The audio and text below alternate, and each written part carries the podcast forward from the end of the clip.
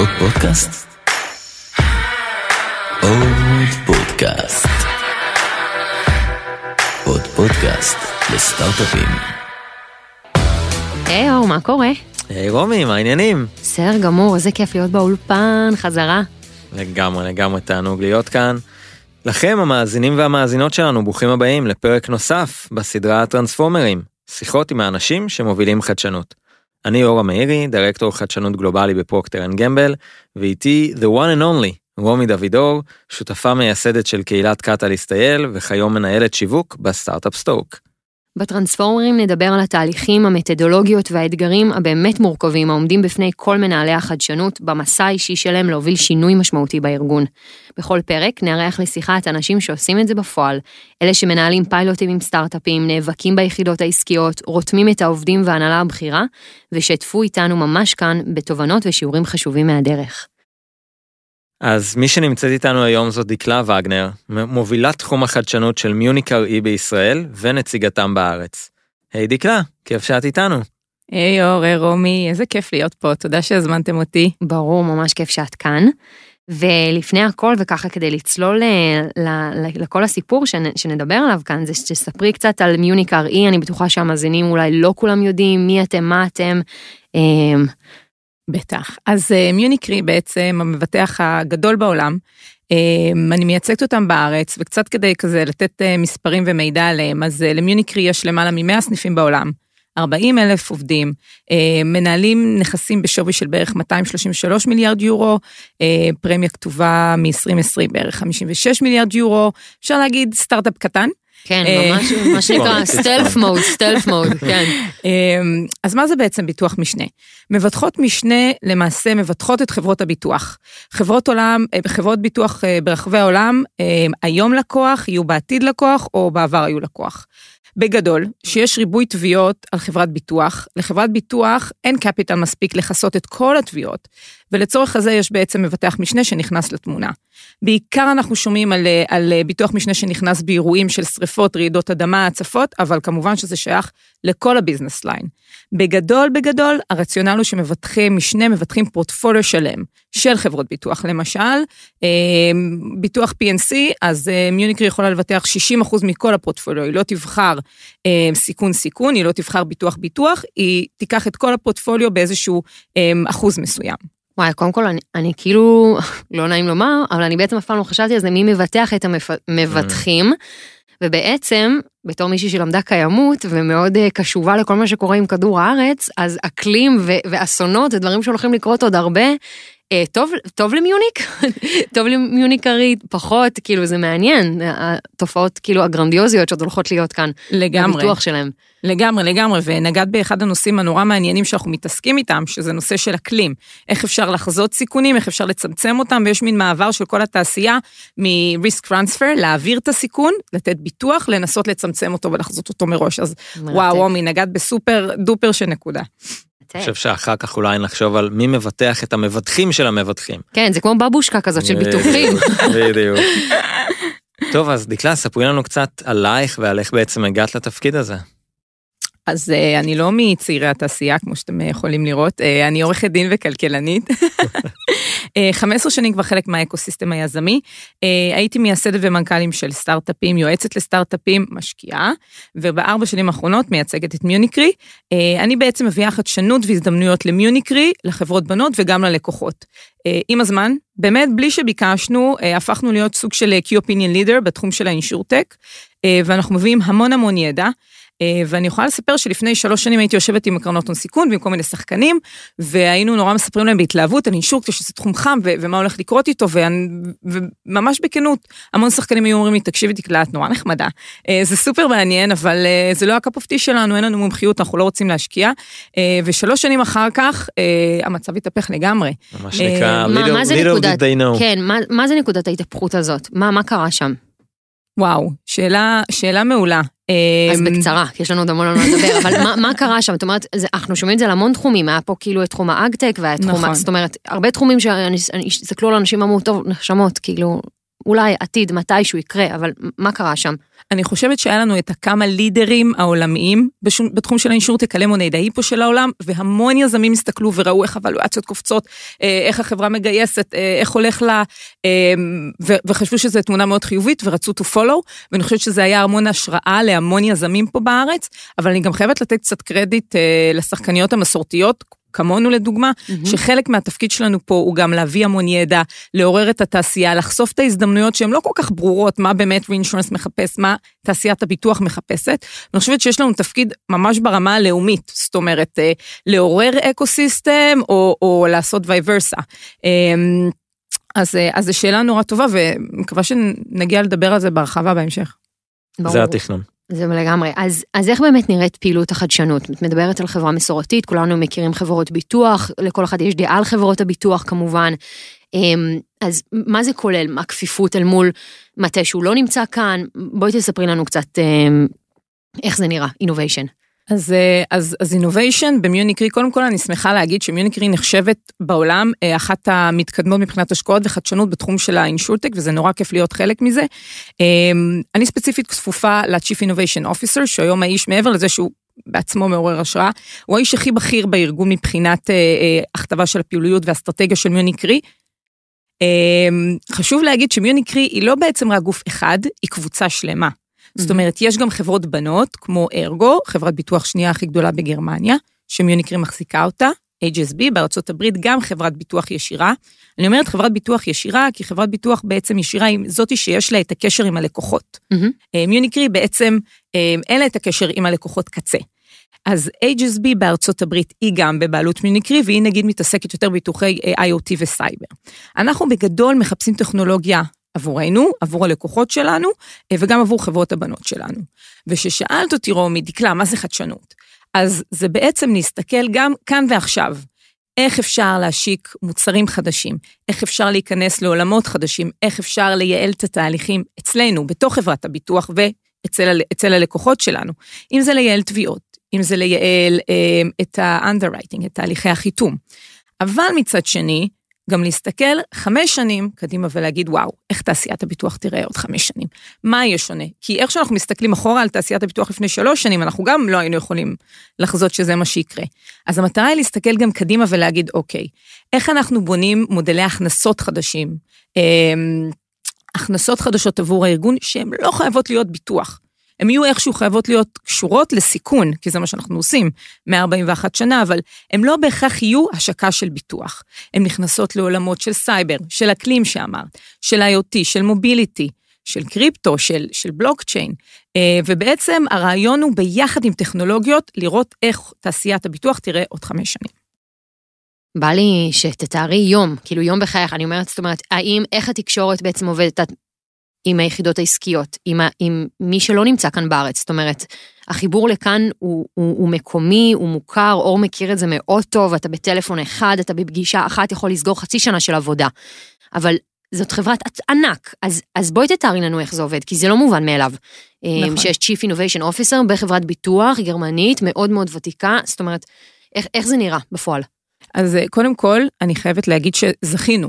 זאת אומרת, זכינו שיש הערכה לישראל והצלחנו במהלך הג'ורני שלנו להוכיח שיש מקום לישראל.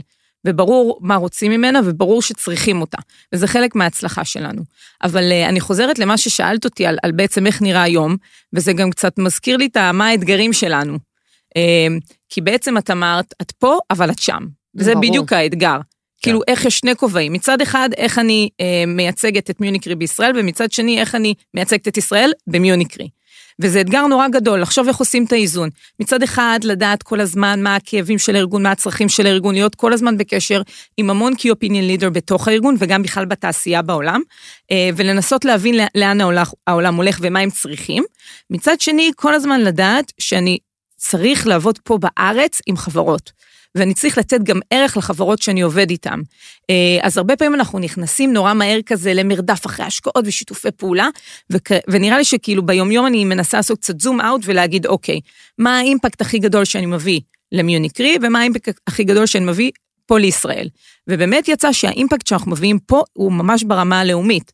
אם זה להביא ידע, אם זה להביא, אמ, אמ, להביא המון אה, תחומים חדשים ולהגיד להם, תראו, אלה הזדמנויות שיש בעולם הביטוח. אולי אתם לא יודעים בדיוק מה re-insurance מחפש. הרי זה גם מאוד הגיוני שסטארט-אפים בארץ לא ידעו מה re-insurance מחפש, כי אין לנו כזה. אין לנו חשיפה לזה בעצם. בדיוק, אנחנו גדלנו בלי שחקן כזה.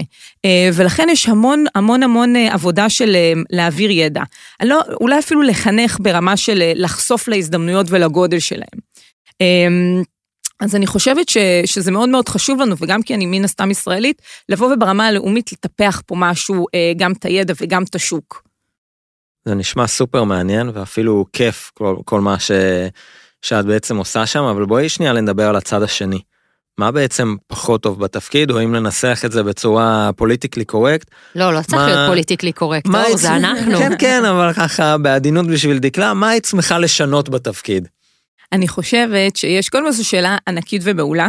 אני חושבת שיש בגודל של הארגונים ושל סטארט-אפ שעובד עם ארגון מאוד גדול, יש שוני בקצב. לגמרי. אה, ובציפייה גם, ויש המון עבודה של לגשר בין שתי הציפיות האלה, בין אה, סטארט-אפ שמקבל החלטות נורא מהר, כי זה שלושה אנשים, לבין ארגון שיש לו חשיבה אסטרטגית, חשיבה קדימה, אה, ולפעמים זה לא, לא עולה יד ביד, ואני חושבת שלתפקיד שלנו יש גם ערך בגישור של זה, אבל אני יכולה להגיד שה...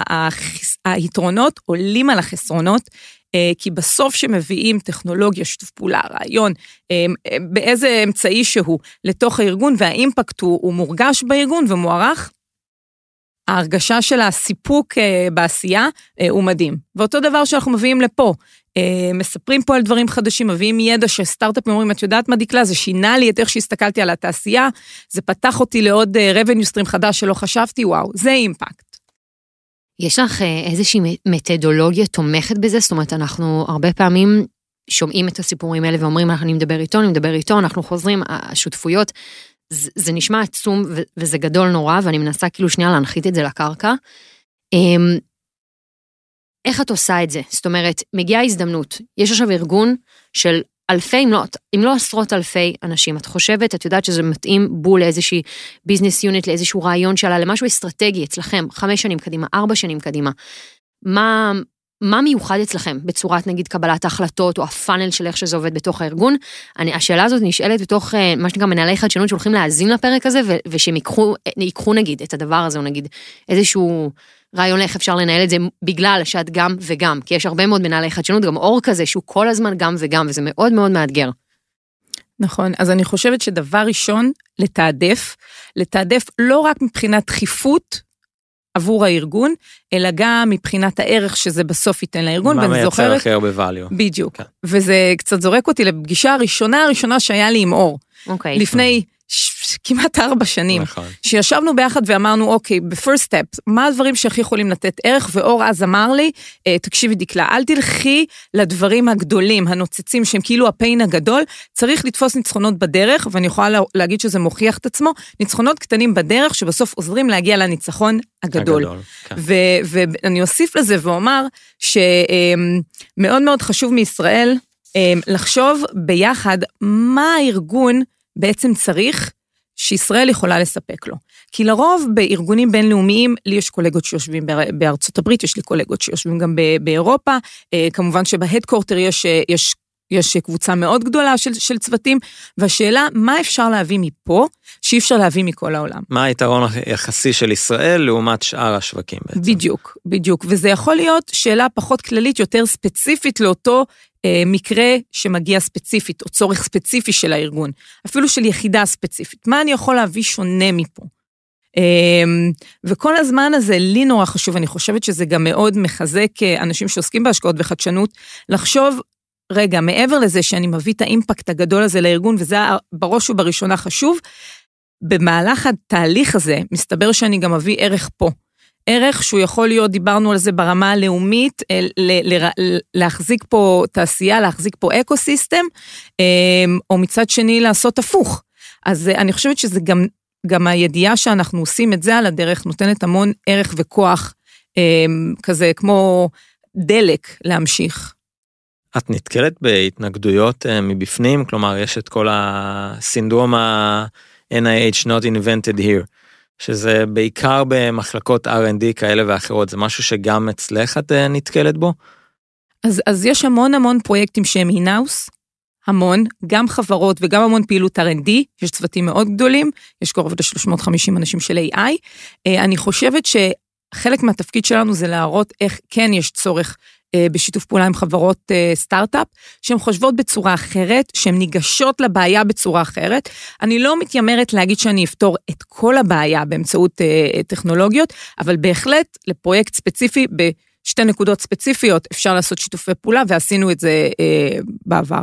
אנחנו הרבה מדברים על זה פה, שבעצם חלק מהחדשנות זה לייצר אלטרנטיבה, או להראות בעצם אופציה נוספת. הרבה פעמים יש את המלכוד הזה, אתה נשאר בתוך המשוכות שאתה מכיר, אתה יודע, במיוחד, מה שנקרא לא להיות קלישתית מדי, אבל מה שנקרא ארגון גרמני, יודע, מכיר, אה, זה לא פשוט לפעמים לקבל אה, ויברציות אה, מהאקוסיסטם הישראלי, ו, ואני חושבת שחלק מה, מהכישרון זה באמת להצליח לעשות את זה, לשים נייר ולהגיד, יש פה אופציה אחרת, יש פה רעיון אחר, יש פה כיוון אחר, בואו בוא תהיו פתוחים, בואו תראו, בואו.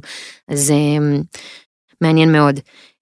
טוב, תחום האינשור, האינשורנס טק די מתפוצץ בשנים האחרונות, ואנחנו רואים לזה דוגמאות באקוסיסטם המקומי וגם בעולם. אמ, איזה טרנדים את רואה קדימה? את מדברת גם שיש ראייה כל הזמן של מה קורה עכשיו ומה איך אפשר לתת עכשיו, וגם כמובן שנים קדימה. מיוניק אמ, מתייחסת למבול הסטארט-אפים בתחום, אומרת אולי אני אפתח בפנים, אולי דווקא ניתן לגל הזה לחלוף, מה, מה, מה ההתייחסות ומערכת היחסים מול זה? לרכוש אפילו, סטארט-אפ להשקיע. אז, אה, אז, אז אני אתייחס לשאלה שלכם בשתי אופנים, אחד לוקל, כאילו מה אנחנו נותנים ישראל, ואחד גלוב, גלובלי, מה, מה הטרנדים. אז יש המון המון טרנדים. אמ, בואו נגיד שנדבר על שלושה שהם ספציפית מאוד אה, מרגישים אותם פה בארץ. Mm-hmm. הביטוח המוטמע או on demand לפי בקשה. אמ, חברת ביטוח דיגיטליות וסייבר. אם נסתכל רגע על מה קורה ב- בישראל, אגב, פרסמנו מפה נורא חמודה, שממפה בעצם את כל ההשקעות שנעשו בחברות insurtech ישראליות. אה, מיפינו את זה לפני, לפי תחומים, לפי תת-סקטורים, אה, לפי business line, לפי סכומים, וזה נתן לנו איזושהי הסתכלות כוללת, ולפי המפה הזאת באמת הגענו למסקנה שבערך 1.6 מיליארד דולר הושקעו באינשורטקים ישראלים, שזה שיא כל הזמנים והצלחה גדולה מבחינתנו. לגמרי. אחד הטרנדים שראינו הוא שיש צמיחה והתעניינות מאוד גדולה בעולמות של החברות ביטוח הדיגיטליות, סטייל היפו, סטייל למוני, וגם במודל של MGA. MGA זה בעצם סוכן מנהל. זה כמו, mm-hmm. זה בעצם סוכן, אבל שחברת הביטוח שעומדת מאחוריו נותנת לו סמכויות מעבר לסוכן. הוא יכול לעשות את ה-underwriting, בנסיבות מאוד מיוחדות הוא יכול לטפר בקליים, ומאחוריו בעצם עומדת חברת ביטוח שנותנת לו את הדף, והכל נכנס, אה, בעצם הכל נכתב על ה-P&L שלה. בישראל ראינו התרגשות רבה מהתחום הזה. אה, הרבה יזמים נמשכו מאוד לתחום הזה, אבל אה, אתם, אה, אתם גם עדים בעצם להמון ביקורת שנשמעה נשמע בזמן האחרון סביב הסיפור של נפילת שווי המניות של, של ליפו ולמונייד, ואגב, הם, הם לא לבד, המצב אותו דבר גם אצל האמריקאיות. רות אינשורנסטרה לאחרונה הודיעה שהיא מפטר 30 מהעובדים שלה, שזה המון, בערך 220 עובדים. ואני חושבת ש... צריך לעשות שיח מאוד עמוק על מה זה חברות ביטוח דיגיטליות, אמ, מה הקושי במודל, מה הביצועים, למה שווי המניה הנחת, ככה יש המון המון סיבות, זאת אומרת, זה, זה דיון מלא, אבל אני חושבת שחלק מהתפקיד שלנו, וזה בדיוק פה דיברתי על, על ה-level הלאומי, יש לנו תפקיד מאוד הסברתי להגיד לעולם, אה, בעיקר לאקוסיסטם הישראלי, כי חל צינון, אה, זה משפיע על המשקיעים, זה משפיע מאוד מאוד על האנשים שפועלים בתחום הזה, להגיד שאינשורטק זה הרבה יותר מחברות ביטוח דיגיטליות. חברות ביטוח דיגיטליות הם מודל אחד, מאוד מעניין שצריך לחקור ולדבר על מה היה איתו, אבל האינשורטק הוא באמת במלא בתחומים ותת קטגוריות, אה, שפשוט אה, בהרף עין נעלמות ברגע ש, ש, שלא מבינים בעצם ש insurtech זה לא רק חברות ביטוח דיגיטליות. אז אמרת ככה, זרקת אה, ביטוח סייבר וביטוח מוטמע. נכון. יכולה שנייה להרחיב על הדברים האלה? אז, אה, אז באמת למדנו, אה, גם עם חברות ביטוח הדיגיטליות, שיש המון disruption בתחום של ה distribution, של ההפצה, איך מוכרים ביטוח היום. חברות הביטוח הדיגיטליות באו ואמרו, אנחנו נעשה את זה באופן דיגיטלי, לא יותר סביב סוכנים, כמו בעולם המסורתי. וביטוח מוטמע הוא בעצם קונספט חדש. אגב, אני שמחה להגיד שאנחנו הגינו את המוס... מונח, אה, תודות לאריק, אה, קולגה מהתעשייה. אה, הטמענו את ביטוח מוטמע, אמבדד, לא היה לזה בעצם הגדרה לפני, אני מקווה שעם שלום קור אה, יאשר לנו את ההגדרה לעשורים. אנחנו בעידן ההמצאות, אפשר להגיד כל מה שרוצים, יש לך אישור ממני. אז זה נכנס אה, למילון של רומי ואור, אה, יש אישור רשמי, אה, ובעצם הרעיון של ביטוח מוטמע הוא שלא מצלצלים יותר לחברת הביטוח אה, פעם בשנה לחדש את הפוליסה, במועד הרכישה שאתה רוכש את המוצר, יש לך אפשרות, on top of it, לקנות ביטוח. קנית פלאפון, אתה יכול להוסיף כמה דולרים ולצוות לזה ביטוח. הזכרת באופן שעתי אה, אי-סקוטר, אתה יכול להוסיף על זה on top of it במועד הרכישה ולקבל ביטוח שהוא לא שנתי, אלא הוא on demand, לפי הזמן שהשתמשתי. אנחנו רואים שהתעשייה מאוד הולכת לכיוון הזה. אמ, לשאלה השנייה שלך לגבי סייבר, אז אה, אני חושבת שהמון המון זמן אני מדברת עם חברות אה, אמ, של generic cyber, הסייבר הקלאסי, וניסיתי להראות להם את ההזדמנות לעבור מלהיות פתרון סייברי שמוכר ל-IT ול CISO, אה, לבעצם לפתח פתרון של ביטוחי סייבר. ובשנה האחרונה, חד משמעי, חברות הסייבר הישראליות אמרו, אוקיי, אנחנו פתאום רואים את ההזדמנות, איך אנחנו עושים את המעבר בין להיות חברת סייבר שמזהה סיכוני סייבר, לעשות את התרגום הזה למהו סיכון של ביטוח סייבר. מהו סיכון, אה, מהו סיכון אה, אה, חשיפתי סייברי, שיכול בעצם להיות מתורגם לסיכון ביטוחי. ובעול, והעולם הזה מאוד מתפתח, העולם כבר מאוד התפתח בלעדינו, אבל כן. היום החברות הישראליות מאוד, מאוד נכנסות לתחום, יש כמובן שלוש-ארבע חברות שכבר פעלו בתחום שלוש-ארבע שנים. אה, אנחנו רואים המון המון משיכה, בדיוק בדיוק זה קורה שיש אה, הגבלה של אה, capacity בתחום הזה, זאת אומרת, ברמה עולמית חסר capacity היום אה, לביטוח. אז זה עוד אה, טרנד מאוד מעניין. אני חושבת שזה גם, זאת אומרת, כל הנושא של סייבר שפעם היה קלאסי, או כאילו אמרו מה שנקרא הסייבר הקלאסי, או מה שכולנו חושבים וישר אה, הולכים כזה מחשבתית, אז זה מתחבר לעולמות ה mobility, שגם הם עוברים הרי disruption לחלוטין, שגם הוא personalized demand ו-as a service, זאת אומרת, ככל שהעולם נהיה שירותי יותר, יש דברים לבטח יותר, וככל שהדברים הם on demand יותר, אנחנו צריכים, זאת אומרת, יש פה דברים שזה סופר מעניין, שמחוברים כולם אה, במעגלים. האמת, רומי, שנגעת בנקודה סופר מעניינת, אמ, כי באמת חברות כמו GM, כמו טסלה, אמ, שנכנסות אה, לעולמות הביטוח ומנסות להבין, רגע, יש לי המון דאטה על הרכב, על, על ההתנהגות של הנהג, איך אני יכול לפתח את זה לכדי ביטוח, והם באמת השיקו אה, ביטוחים, וזו שאלה מעולה. וואי, זה מטורף. זה כאילו, זה תעשיות שפשוט עשו merge לתוך, כאילו, אחת בדיוק, השנייה, בדיוק. וואו. זו שאלה מעולה לאן הולכים עם זה. זו שאלה אולי אם זה הולך להיות טרנד, או אפילו מעבר לזה, אני אקח את זה צעד קדימה, מה, מה קורה עכשיו עם הרכב האוטונומי? איך תראה פוליסת ביטוח שלו, מאיפה יגיעו באמת הסיכונים, זה תוצאה עכשיו, הנזק הוא תוצאה של אה, חומרה שהשתבשה, תוצאה של תוכנה שהשתבשה, איך בונים מודל בעצם לטכנולוגיה חדשה. אז זה סופר מעסיק את התעשייה מכל הבחינות, ו- ודיונים נורא מעניינים, אה, מתקשר נורא חם למוביליטי. כן, אם יש תאונה של רכב אוטונומי, את מי תובעים בעצם? לא, לגמרי, זה התחיל משיחות TED בכאילו אלפיים, כן, אלפיים גובה, והיום אה, צריכים לשבת על זה ולהבין מה אשכרה עושים עם זה. כן. מעניין. אז אה, דקלה, ספרי לנו קצת על איזשהו סיפור הצלחה גדול שהיה לכם אה, בארץ, אולי גם על כישלון, שזה יותר מעניין בתכלס, נכון. ומה למדתם ממנו?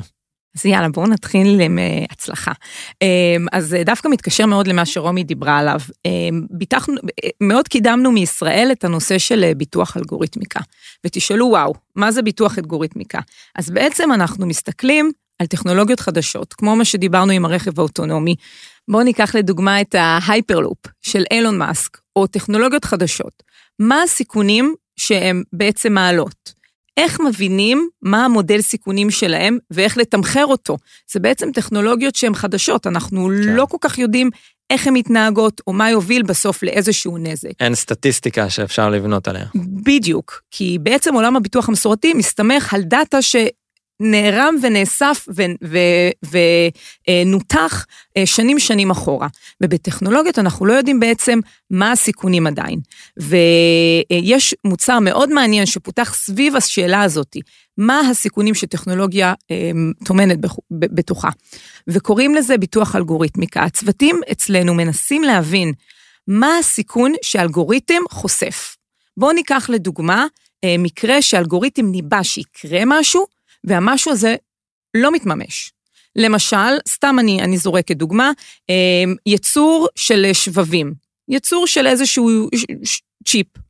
מה קורה אם אלגוריתם שהיה אמור לזהות את הפגמים לא מזהה, ואותו שבב בסוף מושתל במוצר הסופי? איך אני יכול לבטח את הקבלת החלטות של האלגוריתם שבסוף הוא זה שמוביל לפעולה מסוימת. וזה מה שאנחנו עושים אה, בפתרון הזה, ויצרנו לעבוד בשיתופי פעולה עם המון סטארט-אפים, שמסתכל בעצם על הטכנולוגיה שלהם ואומר, אוקיי, מה הריסק מודל פה? מה אני מנסה לבטח בסופו של דבר? מה האלגוריתם אולי יטעה? כן? שאז נוכל, אנחנו, אה, לקחת את הריסק הזה ולתת לחברה אה, לצמוח בלי הדאגה מה קורה אם. יש פה גם שאלות אתיות, כלומר, לא רק מה יקרה אם האלגוריתם בעצמו טועה, אלא מה קורה אם מישהו במזיד מנסה להטעות את האלגוריתם ולהזין אותו בדאטה שגוי. ראינו כבר דוגמאות לדברים האלה בעבר, וזה יכול, ככל שהאלגוריתמים האלה ייכנסו לעוד ועוד תחומים, הסיכונים פה הולכים וגדלים בהתאם. חד משמעי, חד משמעי. זה מפחיד אותי מאוד שתדעו לכם, יש אה, ריטואל כזה בארוחות שישי אצלנו וזה, שכזה יש עיתונים ודברים וכל אחד שולף ואומר וזה, ואז יש שלב שאימא שלי אומרת, לא, אני לא יודעת איך להתמודד עם זה יותר. כשאתה מרגיש שהטכנולוגיה והסיכונים עוד שכאילו הולכים לקרות, אתה אומר, עד לאן זה, לאן עוד ילך, כאילו לאן עוד ייקח, אנחנו כאילו ממציאים פתרונות ובעיות כל הזמן, זה ב multiplying, כאילו. אבל, אבל אני רוצה כן שנחזור לשאלה שאור שאל אותך, על סיפור הצלחה, ואני גם לא אוותר על כישלון, כי פה מדברים גם על כישלונות, לא, אין, אין מה לעשות, מזה לומדים הכי הרבה וכולנו יודעים את זה פה סביב השולחן. על, על שיתוף פעולה עם סטארט-אפ או עם איזשהו גורם אחר באקו-סיסטם, ו, ומה גרם לזה להיות מוצלח? כי, כי יש המון איך להיכשל בזה, ו, ולא, כי זה מתיאום ציפיות ועד תקשורת ועד קצבים ועד אין סוף של גורמים אה, אחרים. אז, אז בבקשה. סיפור הצלחה ומה גרם לו להיות מוצלח. אז uh, uh, סיפור הצלחה uh, מבחינת איך שהאקוסיסטם רואה את זה, זה השקעה שהייתה למיוניקרי בחברת הביטוח הדיגיטלי Next Insurance. Next Insurance מבטחת עסקים גדולים בינוניים בביטוח מסחרי, בעיקר בארצות הברית, וההשקעה הייתה אחרי שיתוף פעולה ארוך שנים, שבעצם העמיקה את ה offering של Munich Re בעולמות האלה. Um, ששאלתם על, על כישלון, אני, אני מריצה בראש אה, מקרים, אה, והרבה מקרים הם, הם באמת לא תלויים בסטארט-אפ, ואני חושבת שזה גם חשוב אה, לסטארט-אפים לדעת את זה. לפעמים הזמן המתאים והמועד המתאים והטיימינג וקבלת ההחלטות וה flow שקורה בתוך הארגון, הוא הסיבה, והוא בכלל לא תלוי בסטארט-אפ שהוא יכול להיות מדהים. ומושלם אפילו. ו- לה... ומושלם, כן. ומבחינת משקיעי הון סיכון השקעה מעולה, פשוט הוא לא נפגש באותו זמן עם ה... עם ה...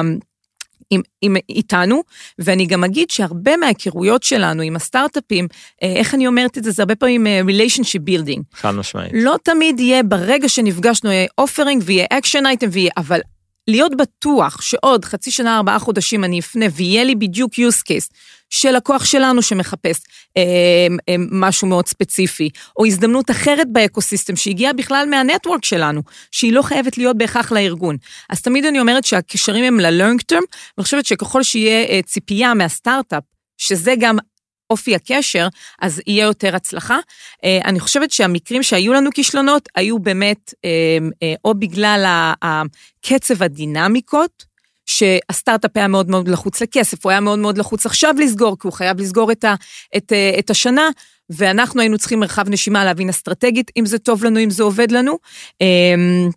אבל אני חושבת שהמסר הגדול הוא לכל הסטארט-אפים להמשיך את השיח, אה, ושאנחנו יכולים להביא המון מעבר, גם אם אין action item עכשיו, כרגע, אה, מבחינת הידע, מבחינת ההבנה של התעשייה, מבחינת איך מוצר נראה. אני מאוד מתחבר למה שאמרת, אני חושב שחלק מהתפקיד שלנו כמנהלי חדשנות זה בעצם לייצר איזשהו סל של פתרונות.